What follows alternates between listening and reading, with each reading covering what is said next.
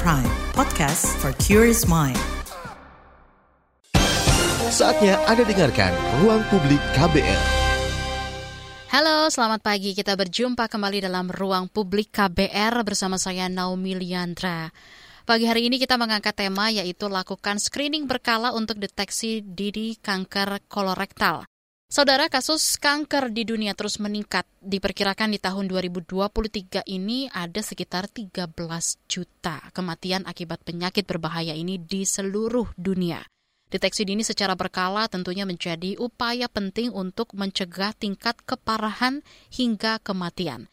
Dan menurut data Globokan 2020, kanker kolorektal ini menempati posisi ke-8 yang menyebabkan kematian di Indonesia. Dan mengutip dari American Cancer Society, sering kali kanker kolorektal ini tidak menimbulkan gejala sampai sudah berkembang atau pada akhirnya menyebar ke organ atau bagian lain. Lalu seperti apa gejala kanker kolorektal yang harus kita waspadai dan kira-kira kapan screening ini harus dilakukan? Pagi ini di ruang publik KBR akan kita bahas bersama dengan Dr. Fajar Firsyada, dokter spesialis bedah, subspesialis bedah digestif, konsultan Rumah Sakit Kanker Darmais, dan juga bersama dengan Ibu Sumbangsih Elimawati, penyintas kanker kolorektal dari Cancer Information and Support Center CISC. Selamat pagi Dr. Fajar dan juga Ibu Eli. Selamat pagi Mbak Naomi. Pagi Naomi dari Iya, terima kasih sudah bergabung di ruang publik KBR pagi hari ini untuk uh, Dr. Fajar dan juga Ibu Eli. Baik, kita mulai saja ya dari uh, Dr. Fajar dulu. Dokter, ini dari nama kanker kolorektal, mungkin bisa dijelaskan dan seperti apa nih dok bagian tubuh yang uh, terjadinya kanker kolorektal ini sendiri? Kanker kolorektal itu adalah kanker terjadi pada kolon dan rektum. Ya, kalau ada bahasa awam, bahasa masyarakat, kolon rektum itu adalah usus besar Naomi jadi uh, kita ada saya itu ada usus halus dan usus besar hmm. dan yang dimakan kecil itu bagian usus hal usus besar dimulai dari sisi kanan tempat pangkalnya usus buntu naik ke atas, ascending datar uh, transversum turun dan akhirnya sampai tum dan anus gitu nih. Hmm. Itulah namanya usus besar. Dok, katanya kanker kolorektal ini nggak ada gejalanya ya dok ya sampai sudah berkembang atau menyebar ke organ di bagian lain. Tapi apakah ini memang sama sekali tidak ada gejala atau ada sebenarnya tanda-tandanya dok? Tapi sering diabaikan, mungkin bisa dijelaskan? Gejala itu kalau masih awal itu nggak memberikan gejala yang makna. Yang sering itu kita pahami ada dua bagian kanker usus besar kita bagi menjadi kanker usus besar sisi kanan dan sisi kiri ya. Mm-hmm. Yang tersering itu di sisi kiri memberikan keluhan seperti uh, eh, BAB berdarah. Nah, BAB berdarah itu kalau kita uh, tanya ke yeah. masyarakat umum banyak kan menganggap seperti ABN atau mm-hmm. wasir atau hemoroid okay. ya.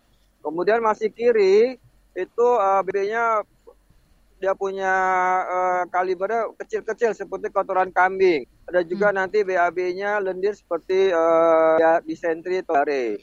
Nah, sedangkan pada usus besar sisi kanan hmm. itu keluhan yang tadi disebutkan tidak ada.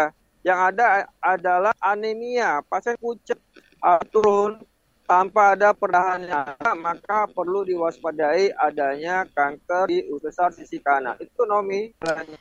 Baik dok, tadi dokter sempat bilang uh, eh, BAB berdarah gitu dok ya. Kalau sampai uh, ada yang mengalami BAB berdarah dok, itu apa langsung harus diperiksakan atau sudah terindikasi itu terkena kanker kolorektal atau seperti apa dok? Normalnya kita tidak ada BAB berdarah. Hmm. Jadi kalau ada BAB berdarah kita anggap satu tidak normal. Hmm. Kita dilakukan evaluasi. Uh, bisa uh, minimal kita buat ke dokter umum atau di kesehatan masa terdekat menyampaikan keluhan ada, lalu dokter akan melakukan pemeriksaan fisik. Ya, salah satu yang pernah fisik lakukan adalah colok tubur, kemudian uh, di, dianalisa uh, hasil colok tuburnya apakah ada hmm. benjolan sisi anorektum atau tidak. Karena kalau tidak ada benjolan, mungkin betul perdarahan itu disebabkan bukan karena oleh tumor, hmm. tapi bisa oleh betul hemoroid. Jadi artinya selama uh, kita memahami ada keluhan yang abnormal, wajib dilakukan pemeriksaan secara dini. Tapi boleh tahu dok berapa lama BAB seperti ini harus diperiksakan dok? Mungkin apakah sekali saja atau berkali-kali atau bahkan intensitas yang lumayan sering? Uh, kadang dengan perubahan pola makanan di mana feses kita uh, sempat keras, bisa saja terjadi BAB berdarah.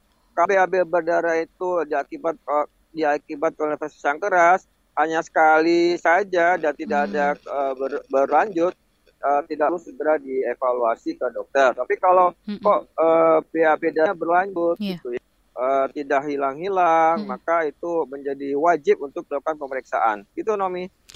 Baik, Dokter Fajar. Nah, sekarang kita ke Ibu Eli ya. Ibu Eli, ya, uh, bisa diceritakan Ibu, kapan sih Ibu uh, didiagnosa pertama kali terkena kanker kolorektal ini, Ibu Eli? Silakan. Ya, terima kasih. Selamat pagi ya, para pemirsa, pagi. pendengar. Selamat pagi Mbak Naomi, selamat pagi Dokter Fajar.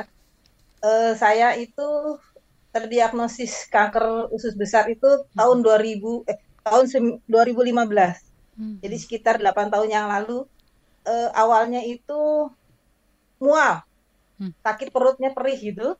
Terus kemudian uh, lama-lama itu dikasih obat mah juga nggak sembuh-sembuh gitu kan. Tapi BAB-nya kalau mungkin benar kata dokter Fajar, saya tidak merasakan uh, eh, BAB berdarah karena posisi posisi tumornya saya itu ada di transversum. Jadi memang uh, gejalanya hanya seperti dokter Fajar bilang itu hmm. anemia betul. Saya sempat mengalami anemia, tapi saya pikir itu anemia biasa gitu kan. Ternyata itu adalah salah satu gejala kanker juga. Nah kemudian eh, nggak uh, lama kemudian tuh teraba ada benjolan, ada hmm. benjolan di, di perut gitu, kepegang. Ya pada saat itu sih dokter dokter umum itu masih bilang ini bukan masih belum kanker, masih hmm. belum yakin lah kalau itu kanker jadi hanya dikasih obat mahnya aja karena keluhannya kan memang keluhan sakit banget gitu kan kayak sakit sakit orang sakit mah hmm. begah terus uh, mual seperti itu aja gitu nah sudah dua tiga bulan bolak balik hanya dikasih obat baru diperiksa uh, dengan USG memang kelihatan ada masa ada ada ada benjolan lah di ususnya nah, kemudian baru uh, dari situ dirujuk ke rumah sakit yang ada fasilitasnya lebih komplit lagi di CT scan dan segala uh, periksa darah lagi memang sudah curiga kalau itu ke arah tumor atau mungkin uh, dokter mungkin malah lebih cenderung malah curiga itu deh udah kanker gitu. Hmm. Di 2015 saya operasi kanker usus besar. Baik, Ibu Eli. Tadi Ibu Eli sudah menceritakan ya. gitu ya, ternyata gejalanya itu awalnya mual, terus juga anemia, betul. tapi tidak BAB berdarah ya. gitu ya, Ibu ya, Eli ya. Betul. Nah, dokter, tapi dari cerita Ibu Eli ini sendiri, gejala mual dan anemia ini kan gejala yang sering banget dirasakan oleh orang gitu ya dok ya uh, dan mungkin diabaikan mungkin kita menganggapnya masuk angin atau hal yang biasa gitu tapi dok gimana kalau kita merasakan atau muncul gejala ini dan bisa tahu itu memang ada indikasi kalau uh, kanker kolorektal bahkan seperti itu dok seperti apa ya dok ya baik jadi uh, kalau kelainan di rongga perut ya di organ padat ataupun organ berongga seperti lambung, usus halus, usus besar, hmm. itu kalau di awal-awal memberikan keluhan yang samar, ya, yaitu seperti keluhan tadi sampaikan Bu Eli, eh, begah, kembung, ya. Hmm. Kalau orang begah kembung kan dituduh pertama adalah sakit lambung. Yep. Oke. Okay? Nah, kalau sudah dipikirkan sakit lambung, boleh makan obat lambung dulu untuk satu kali. Kalau nggak sembuh, makan uh, obat itu berobat ke dokter, ya. Kemudian hmm. dokter mungkin akan melakukan pemeriksaan fisik. Nah, hmm.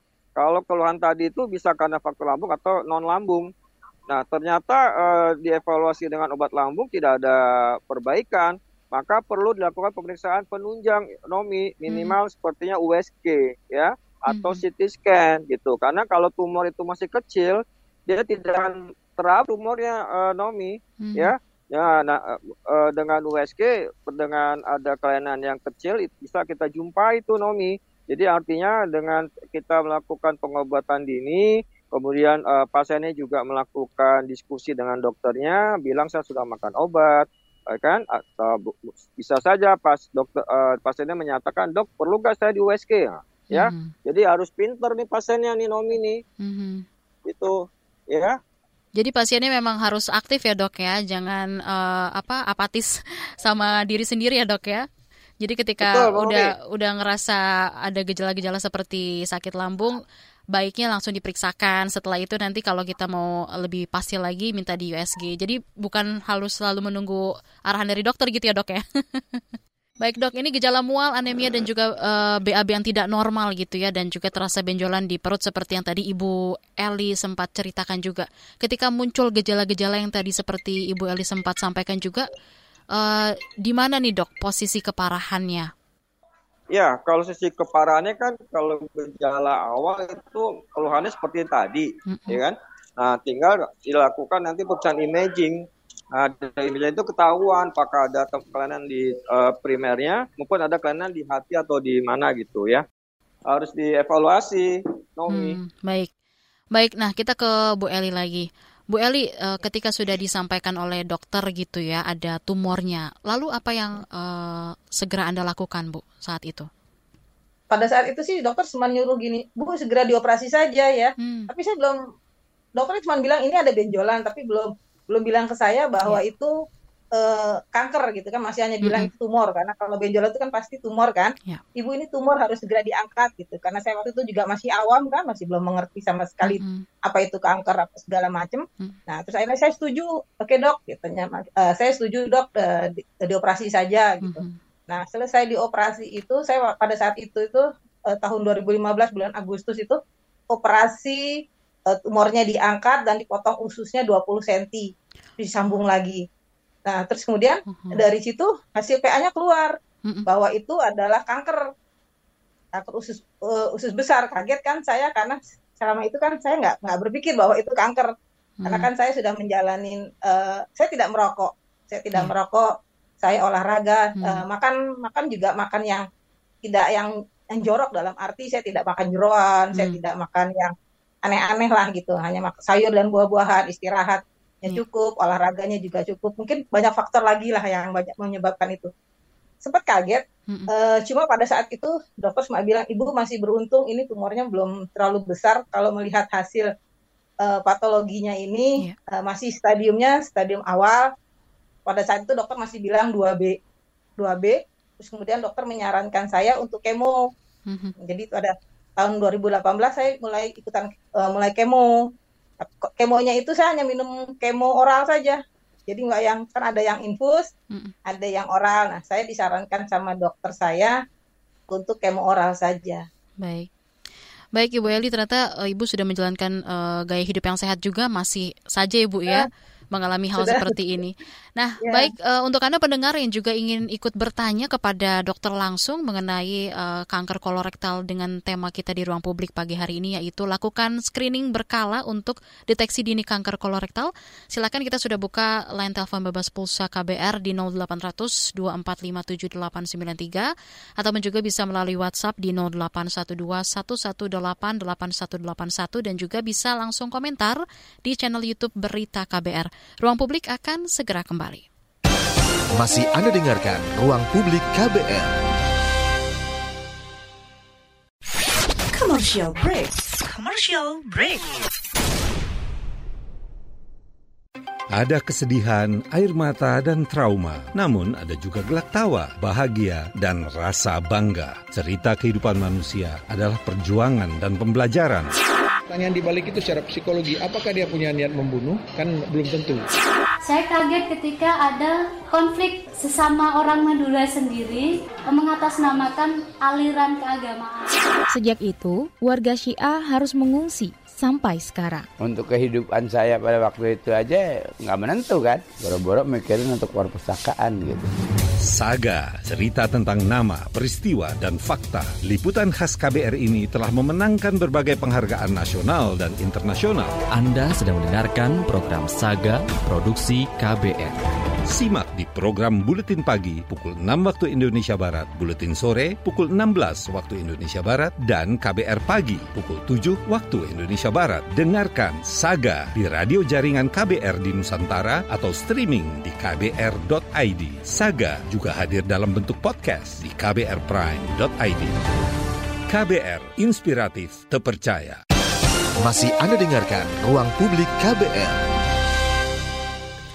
Anda masih menyimak ruang publik KBR pagi hari ini dengan tema kita yaitu lakukan screening berkala untuk deteksi dini kanker kolorektal. Masih bersama dengan Dr. Fajar dan juga bersama dengan Ibu Eli dari CSC. Kita ke Ibu Eli terlebih ya. dahulu. Bu Eli, uh, mungkin tadi kita udah tahu gitu ya di awal apa gejalanya. Tadi Ibu bilang uh, seperti mual-mual dan juga sempat anemia juga. Nah, Bu Eli mungkin bisa diceritakan juga kepada pendengar saat ini gitu pengobatan yang harus Ibu lalui gitu untuk mengobati kanker kolorektal ini sendiri seperti apa Ibu Eli? Uh, saya kan waktu itu kan 2015 disuruh sama dokter, dokter sih menyarankan saya kemo oral. Yeah. Dokter menyarankan saya sampai lima tahun minum obat uh, kemonya karena dokter hanya menyarankan cukup dengan uh, apa kemo oral saja, tapi waktunya pengennya lama. Jadi dokternya bilang uh, waktunya lama bu, cuman hmm. uh, saya tidak kasih yang kemo infus, saya bilang gitu kata dokternya. Hmm. oke, okay, uh, saya jalankan gitu kan. Ya. Nah, tapi kan memang kan selama perjalanan itu kan memang pasti uh, banyak keluhannya ya, tapi nggak nggak nggak nggak nggak nggak signifikan lah keluhannya hmm. karena masih bisa di, bisa diatasi. Nah, keluhan yang saya itu biasanya karena minum kemo oral, kaki dan tangan saya itu kena kena food food and hand syndrome. Jadi kakinya itu hitam-hitam, terus uh, pecah-pecah kayak gitu. Tapi kalau pusing hmm. dan segala macam itu Eh, nggak uh, terlalu jadi saya masih bisa bisa beraktivitas seperti biasanya masih bisa uh, paling ibu rumah tangga tuh masih bisa memasak yeah. bisa bersih rumah masih bisa uh, pergi bersama teman-teman dan segala macam masih bisa beraktivitas seperti biasa cuma memang itu hmm. efek yang saya rasakan pada saat itu adalah kaki dan tangan saya itu kita buka hmm. kalau kalau untuk makan dan segala macam itu uh, saya seperti menuruti kata-kata dokter yeah. makanlah yang uh, bisa di uh, yang sehat mm-hmm. yang tidak ada pengawetnya uh, tidak ada pewarna buatan tidak mengandung MSG mm-hmm. uh, kemudian ya uh, tidak dibakar-bakar. Makanannya tidak dibakar-bakar itu kan memang tidak bagus ya yeah. untuk untuk untuk kita kita juga gitu. Ya untuk oh, karena mengandung karsinogen. Hanya itu aja palingan yang saya jalanin selama pengobatan. Masih tetap uh, apa ya berolahraga masih tetap menjalankan olahraga. Hmm. masih masih bisa berkumpul-kumpul dengan teman-teman dengan keluarga. Nah ya itu mungkin karena uh, selama pengobatan itu kan badannya karena dikasih obat gitu ah, ya agak lemah tapi nggak sebanyak yang hmm. yang lainnya lah itu seperti itu jadi uh, bisa dibilang selama lima tahun ibu mengkonsumsi obat itu uh, apa namanya obat apa tadi Bu? Kemo oral kemo ya? Oral. Kemo oral ya. Iya. Itu iya. Uh, efek sampingnya jadi uh, kulit kaki dan sekitar hitam-hitam gitu Bu ya. Apa hitam, efek dari obat? Iya. Oh, baik. Iya. Baik, nah dengan Dokter Fajar untuk penyebab kanker kolorektal ini apakah karena seperti yang diceritakan Ibu Eli gitu ya, walaupun sudah menerapkan hidup sehat tapi tetap masih berisiko. Kita pengen tahu nih dok, sebenarnya penyebab kanker kolorektal ini apa sih dok? Baik, uh, tadi sampai Ibu Eli itu benar. Jadi uh, tadi saya sudah sampaikan di awal bahwa 80% faktor kanker kolorektal itu disebabkan faktor depan, ya, baik yang disebabkan oleh makanan atau oleh makanan. Misalnya faktor makanan itu ada di makanan tadi ini makanan si bakar, makanan diawetkan, makanan tinggi lemak, hmm. makanan yang kurang serat sayuran, serat buah-buahan, ya kan? Itu yeah. bisa menjadi faktor risiko kalau dikonsumsi dalam jangka waktu lama dan dalam jumlah yang besar ya hmm. Uh, dan juga makanan instan seperti mie instan ya itu instan nggak bagus ya instan nggak bagus itu instan nggak bagus jadi punya resiko punya uh, apa namanya terjadinya uh, keganasan hmm. Hmm. Nah kemudian yang berikutnya itu uh, yang bukan oh itu menjadi faktor menjadi faktor risiko juga kemudian obesitas, yeah. bukan kurang gerak. Oke baik dok. Tadi dokter tadi bilang 80% makanan, 20% oh. genetik ya dok ya? Halo. Uh, betul, bukan 80% itu faktor yang didapat. Faktor, yang, yang didapat. Oke, 20 persennya genetik. Jadi uh, ya bisa yang didapat itu bisa berhubungan di, dengan diet atau hmm. tidak gitu ya. Tapi yang mayoritas itu berhubungan dengan faktor diet ya. Tapi dok, boleh tahu nggak dok kalau uh, makanan makanan beku gitu dok, frozen food itu pengaruh juga nggak sih dok? Iya, sama. Itu kan yang diawetkan, hmm. gitu. Ya, jadi itu termasuk uh, bagian makanan diawetkan. Kalau kita bandingkan dengan yang fresh food, kan da- yeah. kalau disimpan dalam beberapa hari pasti ada pembusukan kan. Ya, kalau misalkan bahan baku itu bertahan lama dengan frozen, pasti kan ada sesuatu yang digunakan metode atau dengan zat kimia yang uh, membuat bahan makanan itu menjadi awet. Tadi uh, dokter sempat sounding gitu ya obesitas ini memperbesar risiko juga ya dok ya. Uh, ini gimana kalau berkaitan dengan usia dok? Kalau usia yang beresiko itu 50 tahun ke atas, benar nggak sih dok? Beresiko terkena kanker kolorektal ya, ini? Uh, ya, dengan bertambahnya usia, ya harapan hidup manusia kan di Indonesia ini bertambah lama nih, bertambah tua. Maka yep. angka kejadian penyakit juga menjadi meningkat, khususnya pada uh, salah satunya pasien kanker, ya. Yang ini kanker besar, karena usus kan ada, ada di laki-laki, ada di perempuan. Dan sampai umur sekian itu kan mereka pasti makan kan nggak mungkin nggak makan hmm. nah apakah makanan yang dikonsumsi itu hmm. mengandung faktor risiko atau kategori ketiga itu maka bisa memicu terjadinya kanker Baik dokter, kita ke Ibu Eli lagi ya. Setelah Ibu um, sudah menjalani pengobatan gitu ya, boleh di-sharing juga makanan-makanan seperti apa yang Ibu konsumsi gitu Bu setiap harinya. Makanan sehat yang okay. seperti apa dan juga apa pantangan-pantangannya Ibu selama Ibu menjalani pengobatan ini? Suka dukanya Selama, seperti apa? Suka dukanya itu kan ya itu karena nggak nafsu makan kan biasanya -hmm. tuh kan pasti ada sedikit tidak nafsu makan gitu kan. Itu biasanya disiasatinya itu ada minum susu, susu hmm. ada khusus, ada susu khusus yang untuk pasien kanker kita minum supaya nutrisi di dalam tubuh kita juga tetap terjaga. Hmm. Buat saya selama itu hanya banyak makan sayur dan buah-buahan, dikurangi daging merah karena salah satu daging merah itu kan uh, men, uh, apa menyebabkan juga uh, untuk pasien kanker eh, usus besar itu bisanya dihindarin karena itu memang banyak pengaruhnya ternyata terhadap usus penyerapannya mungkin ya. Hmm. Nah terus kemudian uh, saya ya terpakan seperti biasa orang umumnya cuma itu tadi yang seperti saya yeah. sebutkan saya tidak tidak makan lagi makanan yang diawetkan hmm. makanan yang menggunakan pewarna buatan menghindari lagi juga MSG kalau bisa mungkin hmm. saya hindari kalaupun tidak bisa karena pasti pergi makan di luar kita nggak hmm. pernah tahu kan yeah. ya sampai di rumah ya saya perbanyak sayur dan buah-buahan itu sudah hmm. pasti dan dibantu dengan olahraga ya walaupun hanya bisa olahraga jalan kaki ya jalan kaki lah uh, sekitar 15 sampai 30 menit tuh. Hmm. Jadi badannya itu selama pengobatan juga sudah nggak terlalu apa ya? nggak terlalu drop sekali. Tetap bugar bisa, gitu ya, Bu ya? Iya, tetap terbantu lah dengan dengan olahraga, istirahat yang cukup gitu. Karena memang kan kalau kita lagi pengobatan itu kan badan juga nggak enak gitu kan, yeah. bener-bener nggak enak lah rasanya tuh badan sakit semua gitu. Ya tapi dibantu dengan olahraga dengan makanan yang tadi banyak sayur dan buah-buahan itu benar banyak benar-benar membantu benar-benar sangat membantu. Nah terus ya itu uh, sharing-sharing mungkinnya suka hmm. banyak cari informasi tanya-tanya ke teman-teman gitu mah kira-kira kiat-kiatnya bagaimana sih agar kita kita tetap sehat? Nah kayak gitu. Supaya pengobatannya kita itu lancar nggak nggak nggak terganggu. Kalau kita drop kan kita nggak apa ya obat-obatannya juga kan jadi nggak mm-hmm. nggak optimal nggak optimal itu dalam arti kita jadi uh, apa ya semakin banyak lah yang uh, efek-efek sampingnya yeah. kita rasakan gitu loh Mbak Nomi ya mungkin seperti itu. Nah ini berarti Bu Eli juga sudah mulai join di CSC-nya itu sejak 2015 Betul. kah? Betul.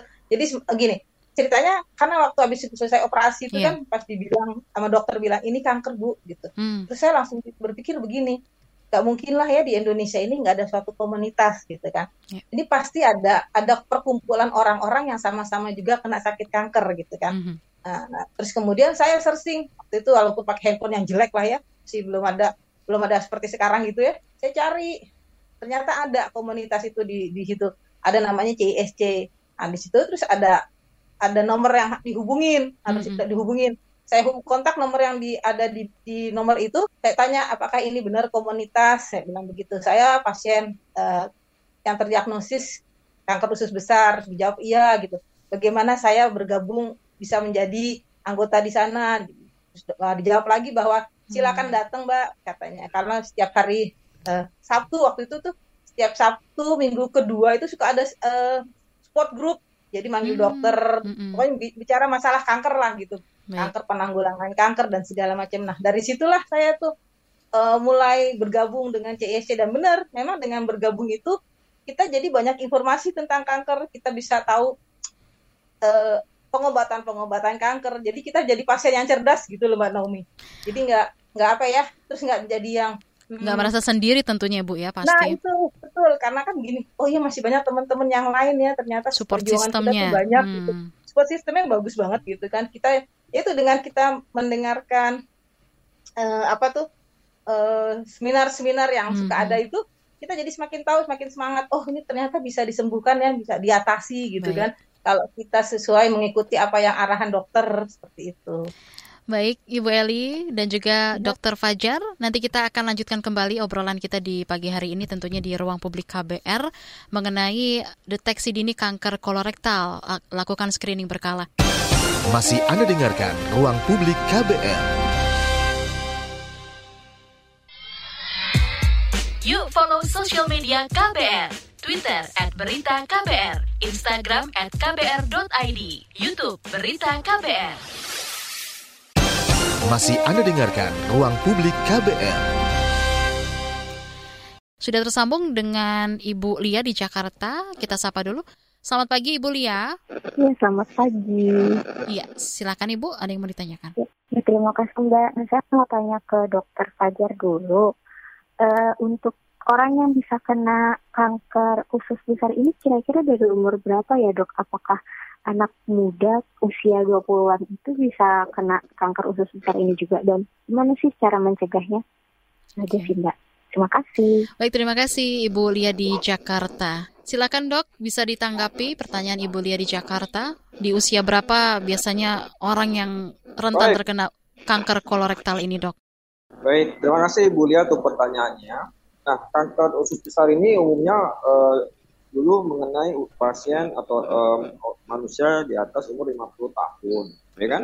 Tapi dengan perkembangan waktu ternyata ber, berubah ke usia lebih muda nih, 40 tahun udah mulai kena, ya. Hmm. Nah, dan sekarang ini yang kita khawatirkan adalah kejadian kanker besar pada usia yang lebih muda, usia 20-an, usia belasan tahun, yang tidak ada hubungannya dengan eh, genetik. Nah, kita ingat kembali tadi faktor resikonya, kan faktor risikonya itu adalah makanan. Mm-mm. Coba deh diperhatikan. Ah, anak-anak kita, cucu-cucu kita, apakah makannya dengan makanan yang segar, sayuran, buah-buahan? Apakah selama ini seringnya di- diberikan makanan dengan misalnya dengan makanan fast food, Hmm. junk food, ya kan? Kemudian apakah mie instan? Nah itu menjadi faktor risiko. Nah semakin eh, muda usia mereka bertemu dengan eh, apa namanya dengan makanan tersebut, maka akan mempunyai risiko terjadi keganasan pada usia yang lebih muda gitu, ya. Waalaikumsalam. Baik, dokter sedang ada di ruang operasi dok ya saat ini. I- iya, mohon maaf nih, nyambi-nyambi nih, ya. It's okay dokter. Tapi dok, aku juga mau tanya lagi nih dok. Kapan kira-kira harus di screening dok dan berapa kali? Oke, kalau eh, ditau- ketahui kan bahwa yang orang pekerja itu ada program MCU ya, Mm-mm. medical check up. Mungkin Nomi juga dari eh, KBR-nya juga ada program MCU annually tahunan, ya. Mhm. Tapi coba dilihat apakah MCU-nya itu sudah meliputi MCU untuk kanker atau tidak. Mungkin untuk yang eh, Naomi sebagai perempuan sudah termasuk kanker payudara dan kanker serviks untuk eh, screeningnya, ya. Tapi usus belum kan? Belum dok. Nah, jadi ah, jadi eh, bisa dimintakan ke HRD-nya atau medicalnya di, dimasukkan pemeriksaan untuk di- eh, screening kanker usus besar. Itu apa? Pertama kita periksa analisa feses, Hmm. ya kita melakukan tes darah samar. Tes darah samar itu kalau ada positif artinya feses itu mengandung darah, sel darah, art- artinya ada pendarahan di usus besar yang disebabkan oleh apa kita belum tahu, bisa infeksi, bisa tumor. Maka kalau itu positif bisa dilanjutkan dengan pemeriksaan kolonoskopi, ya kan? Hmm. Kemudian kalau eh, sudah di atas 40 sebaiknya ditambahkan juga dengan USG Nomi. Hmm. Jadi kadang pada pasien dengan kanker usus besar dia tidak dia belum mendapatkan keluhan dari usus besarnya, eh tapi sudah ditemukan penyebaran di hati. Nah itu saya pernah dapatkan kasus seperti itu, ya. Jadi itulah gunanya sudah sudah menyebar di hati stadium 4, Nomi. Jadi dia nggak nggak nyaman di Ya. perut, dievaluasi, Nah, ternyata di USG, ya kan, ternyata ada benjolan di hati dan itu merupakan penyebaran dari kanker usus besarnya. Jadi artinya uh, medical check up yang yang sudah berjalan baik tapi uh, belum melibatkan kanker perlu dilengkapi nih Nomi ini dengan melakukan medical check up untuk screening kanker ya khususnya kanker usus besar. Kenapa? Karena kasus ini ada di laki-laki dan ada di perempuan. Baik, Baik, terima kasih dokter untuk penjelasannya. Ini kita lanjutkan kembali ya juga dengan Bu Eli. Kita akan bacakan kembali uh, beberapa pesan yang sudah masuk, yang sudah ditanyakan ke KBR. Dari channel YouTube kita baca ada Ibu Mariana Tanuwijaya. Kakak ipar saya kena kas kanker usus. Metas terkena pankreas dan tidak bisa tertolong. Apakah kanker usus ini bisa mengakibatkan metas ke arah pankreas? Apakah buah nanas benar bisa membersihkan usus kita? Silakan dok, gimana nih dok tanggapan Anda? Baik, penyebaran dari kanker usus besar itu kita bedakan antara kolon dan rektum ya. Penyebaran kolon itu ke hati, sedangkan penyebaran e, rektum itu ke paru-paru. Kalau sudah e, mengenai organ di hati, maka peluang terjadinya penyebaran ke tempat lain itu menjadi besar. Apalagi tadi disampaikan ada hmm. e, meta ke pankreas mungkin saja ini suatu kankernya lokasinya dekat pankreas yaitu di kolon transversum seperti yang dialami Ibu Eli itu ya. Mm-hmm. Ibu Eli kan di kolon transversum ya. Nah, kolon transversum itu belakangnya ada pankreas tuh. Nah, jadi kalau tumornya besar T4 uh, eh, keluar dari dari dalam uh, apa lumennya mm-hmm. itu bisa nempel ke pankreas dan tumbuh di pankreas. Nah, Artinya pankreas itu sudah terinfiltrasi oleh tumor dari usus besarnya. Hmm. Ya, pengobatannya kita tetap uh, sesuaikan dengan kondisinya. Kalau di pasien ini bisa diangkat uh, tumor uh, ususnya, maka akan hmm. dilakukan pemotongan segmen usus yang mengandung tumor. Kemudian untuk yang menyebarnya itu kita lakukan kemoterapi dan kalau stadium 4 dilengkapi dengan targeting terapi gitu targeting terapi. Nah,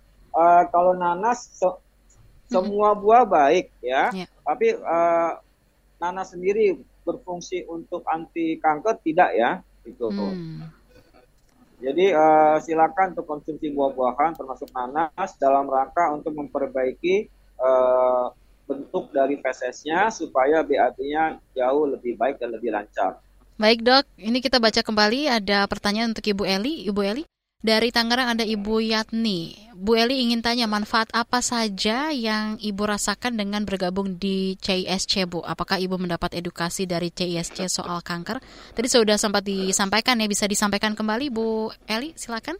Banyak sekali sebetulnya Mbak Naomi manfaat ya. kita ikutkan di CISC. Terutama yaitu tadi kita akan mendapatkan informasi-informasi tentang pengobatan kanker. Apa itu kanker, bagaimana kita menjalani pengobatannya, Terus kemudian juga kita mendapat support system. Jadi support system itu dalam arti gini, kalau kita memang butuh support karena kita hmm, lagi drop gitu kan, yeah. nah kita bisa mendatangkan teman-teman yang sudah selesai pengobatannya atau datang ke rumahnya mm. atau ke sama pasien bilang begini, kita pengen dong dibesuk dong di rumah sakit ini gitu. Kalau seandainya boleh dibesuk, kita akan mengirim orang atau siapa pun yang bersedia untuk mensupport pasien yang dibutuhkan itu gitu. Jadi memang hmm. benar-benar benar-benar ngebantu untuk pasien. Jadi merasa bahwa kita nggak sendiri loh. Kita masih akan mendapat support support pemasukan-masukan yang bagus untuk pasiennya. Jadi hmm. dengan harapannya ya kalau kita mensupport pasien itu kan dia akan ngeliat itu. Itu ibu itu juga sama ya sakitnya gitu. Kita kok udah, udah bisa ya ada harapan untuk hmm. seperti sehat seperti yang dia lihat gitu loh. Nah, itu yang yang paling penting gitu.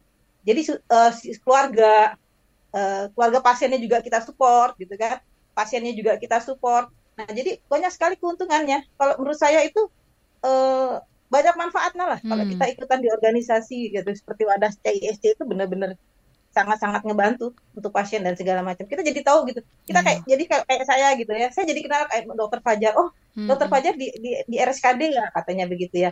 Oh, jadi kalau ada teman-teman gitu kan, oh ada dokter Fajar di RSKD gitu yang berobat uh, kanker usus besar tuh mm-hmm. ada di RS, RSKD, ada dokter Fajar, ada dokter yang lainnya gitu loh. Jadi itu benar-benar info-info yang tentang pengobatan, info-info tentang uh, support-support teman-teman yang yang dibutuhkan itu banyak banget kita dapetin di CSC. Mungkin seperti itu, Mbak Nomi. Baik, Itu dia tadi penjelasan dari Ibu Eli untuk pertanyaan yang sudah masuk di KBR. Dan untuk Anda pendengar, uh, di tanggal 3 April ini, tepat ulang tahun CISC yang ke-20 tahun. 20. Betul. Dan ini berhubungan dengan bulan Ramadan juga, jadi perayaannya diundur ke hari Minggu, tanggal 7 Mei di Sarinah Tamrin jam 6 pagi sampai dengan selesai di waktu CFD Car Free Day ya. Nanti mungkin bisa bertemu di sana bersama dengan Ibu Eli juga nanti Dokter Fajar juga ikut join di sana dok. Ya. Baik, kita baca kembali ya uh, WhatsApp yang sudah masuk ada dari Solo Bapak Suryatno. Apakah sering sakit perut akibat mah atau usus buntu itu bisa berujung kanker usus besar dok? Seperti apa nih dok? Baik, terima kasih dari Solo ya. Jadi kalau kita pahami itu uh, kalau usus buntu sih enggak enggak ya, enggak enggak langsung atau lanjut menjadi kanker usus besar. Tapi ingat juga kanker usus, uh, usus buntu itu bisa disebabkan oleh infeksi, mm-hmm. bisa juga disebabkan oleh tumor, ya. Jadi masalah usus buntu itu apa? Kalau masalah usus buntu itu infeksi, ya insya Allah sih nggak akan tertutup jadi tumor.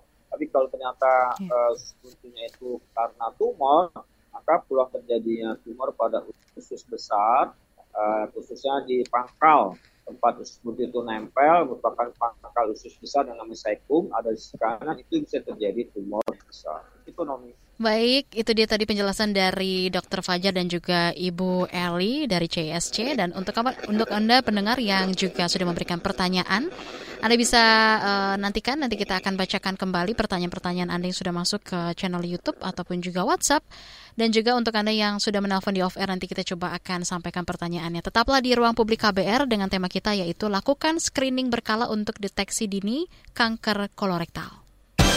Masih Anda dengarkan Ruang Publik KBR. Commercial break. Commercial break. Oke Google, cariin apa yang lagi trending sekarang dong. Yang lagi viral yang lagi hits. Aduh, kamu ini tahunya cuma nyur doang. Lah, dia nolak. Aku bilangin Siri nih. Ya sudah, sudah jangan ngambek dong. Kamu cukup buka KBR Prime titik ide, lalu cari what's trending. Semua dibahas tuntas dengan narasumber yang kredibel, jadi bisa buat referensi kamu. Wah iya nih, keren banget ya. Setiap hari lagi. Betul, dari Senin sampai Jumat. Jangan lupa hanya di KBR Prime titik ide atau di aplikasi podcast lainnya. Makasih ya Mbah Google. Hei kamu ini, saya masih gadis. Kenapa dipanggil Mbah? KBR Prime, podcast for curious mind. Masih Anda dengarkan Ruang Publik KBR. Kita tiba di bagian akhir ruang publik KBR pagi hari ini Ibu Eli uh, dari CISC sendiri gitu ya, ini kan punya banyak sekali program pasien dan juga penyintas kanker dan punya rumah singgah juga nih Bu untuk pasien yang sedang berobat. Bisa diinformasikan mungkin bagaimana mengakses rumah singgah ini sendiri dan apa aja syaratnya? Silakan Ibu Eli. Jadi gini, ya, program kita sekarang CISC pada saat ini kita sekarang punya namanya programnya pasien navigasi. Jadi pasien navigasi itu adalah salah satu programnya kita eh, baru saat ini baru ada di Rumah Sakit Darmais dan Rumah Sakit RSCM. Nah, tujuannya dari pasien navigasi ini adalah untuk pasien-pasien baru yang baru terdiagnosis kanker mm-hmm. uh, untuk menjalani pengobatannya gitu. Jadi mereka kan kalau dari daerah gitu kan mereka bingung gitu kan, yeah. di mana rumah singgah gitu kan, terus bagaimana uh, uh, selama dia pengobatan ini bagaimana dia butuh rumah singgah dan segala macam gitu kan. Tuh kalau pasien hmm. dari DKI namanya kalau dari karena pasiennya mungkin sudah tidak bisa naik kendaraan umum gitu kan dia pasti beri bertanya kalau saya mau ke rumah sakit kita harus bagaimana nah kita kayak seperti itu memberikan informasi oh ada kalau DKI itu punya mamanya ambulans gratis mm -hmm. khusus untuk uh, untuk uh, pasien yang dari DKI dengan KTP DKI. Mm-hmm. Nah, kalau dia pasiennya itu keluar dari DKI, yeah. bukan KTP DKI dalam arti dia tidak tinggal di DKI, mm-hmm. misalnya misalnya di Bekasi, terus Bogor, Tangerang, Nah, itu mereka bisa ke rumah singgah kami. Jadi kami punya rumah singgah dua, hmm. satu dekat RSKD, dekat Darmais, satu lagi dekat RSCM. Nah, syarat-syaratnya itu adalah dia sedang menjalani pengobatan sudah pasti. Ya. Kemudian dia harus pasien BPJS kelas 3 karena kan hmm. e, kalau nanti mamanya kelas 2 pengen masuk ya agak susah sih memang, tapi hmm. mungkin mungkin bisa dengan mungkin dengan alasannya segala macam. Nah, kemudian kalau kita pengen masuk di rumah singgah itu harus ada pendampingnya karena kan kita kan nggak bisa jagain juga tiap hari kan nah Jadi ada pendamping satu untuk mendampingi pasiennya. Nah, syaratnya hanya itu aja yang bisa dimasuk ke rumah singgah pasien BPJS kelas 3, terus benar-benar pasien kanker yang sedang menjalani pengobatan. Yeah. Nah, itu seperti itu. Nah, kalau pasien navigasi itu ada di rumah sakit, itu tujuannya seperti itu dan dia juga memberikan support-support ke pasien-pasien gitu kan. Kalau pasien-pasiennya uh, umpamanya sedang drop segala macam kita samperin, kita ajak bicara, keluhannya kenapa, kita kasih motivasi. Nah, seperti itu. Jadi kegiatannya memang cenderungnya memang lebih banyak memberikan support-support kepada pasien dan juga keluarganya untuk tetap uh, termotivasi menjalani pengobatannya sampai tuntas gitu Mbak Naomi. Baik. Nah, itu seperti itu. Baik, Ibu Eli. Nah, ini uh, uh, karena waktu juga terbatas ya Ibu Eli dan juga dokter. Kita uh, mau tanya terakhir nih untuk uh, Dokter Fajar. Ada banyak sekali nih dok uh, fakta dan mitos seputar kanker gitu ya. Kalau untuk kanker kolorektal sendiri apa nih dok? Fakta dan mitos yang dokter lihat masih dipercaya sama masyarakat dan juga masih banyak beredar di masyarakat dok. Silakan. Ya mitosnya itu BAB berdarah hmm. adalah hemoroid ya. Nah pada pada faktanya itu bisa saja kanker. Nah, jadi kalau ada keluhan BB berdarah jangan pernah me, apa melupakan resiko kanker. Jadi cukup uh, periksa ke dokter terdekat, dokter umum atau puskesmas, dan dievaluasi menentukan bahwa itu kanker atau bukan. Kemudian berikutnya kanker ini bisa dicegah ya dengan edukasi yang baik seperti yang dilakukan oleh KBR ini, Radio KBR tentunya akan menambah informasi bagi masyarakat bagaimana uh, resiko dari kanker usus besar dan bagaimana untuk melakukan pencegahannya gitu ya.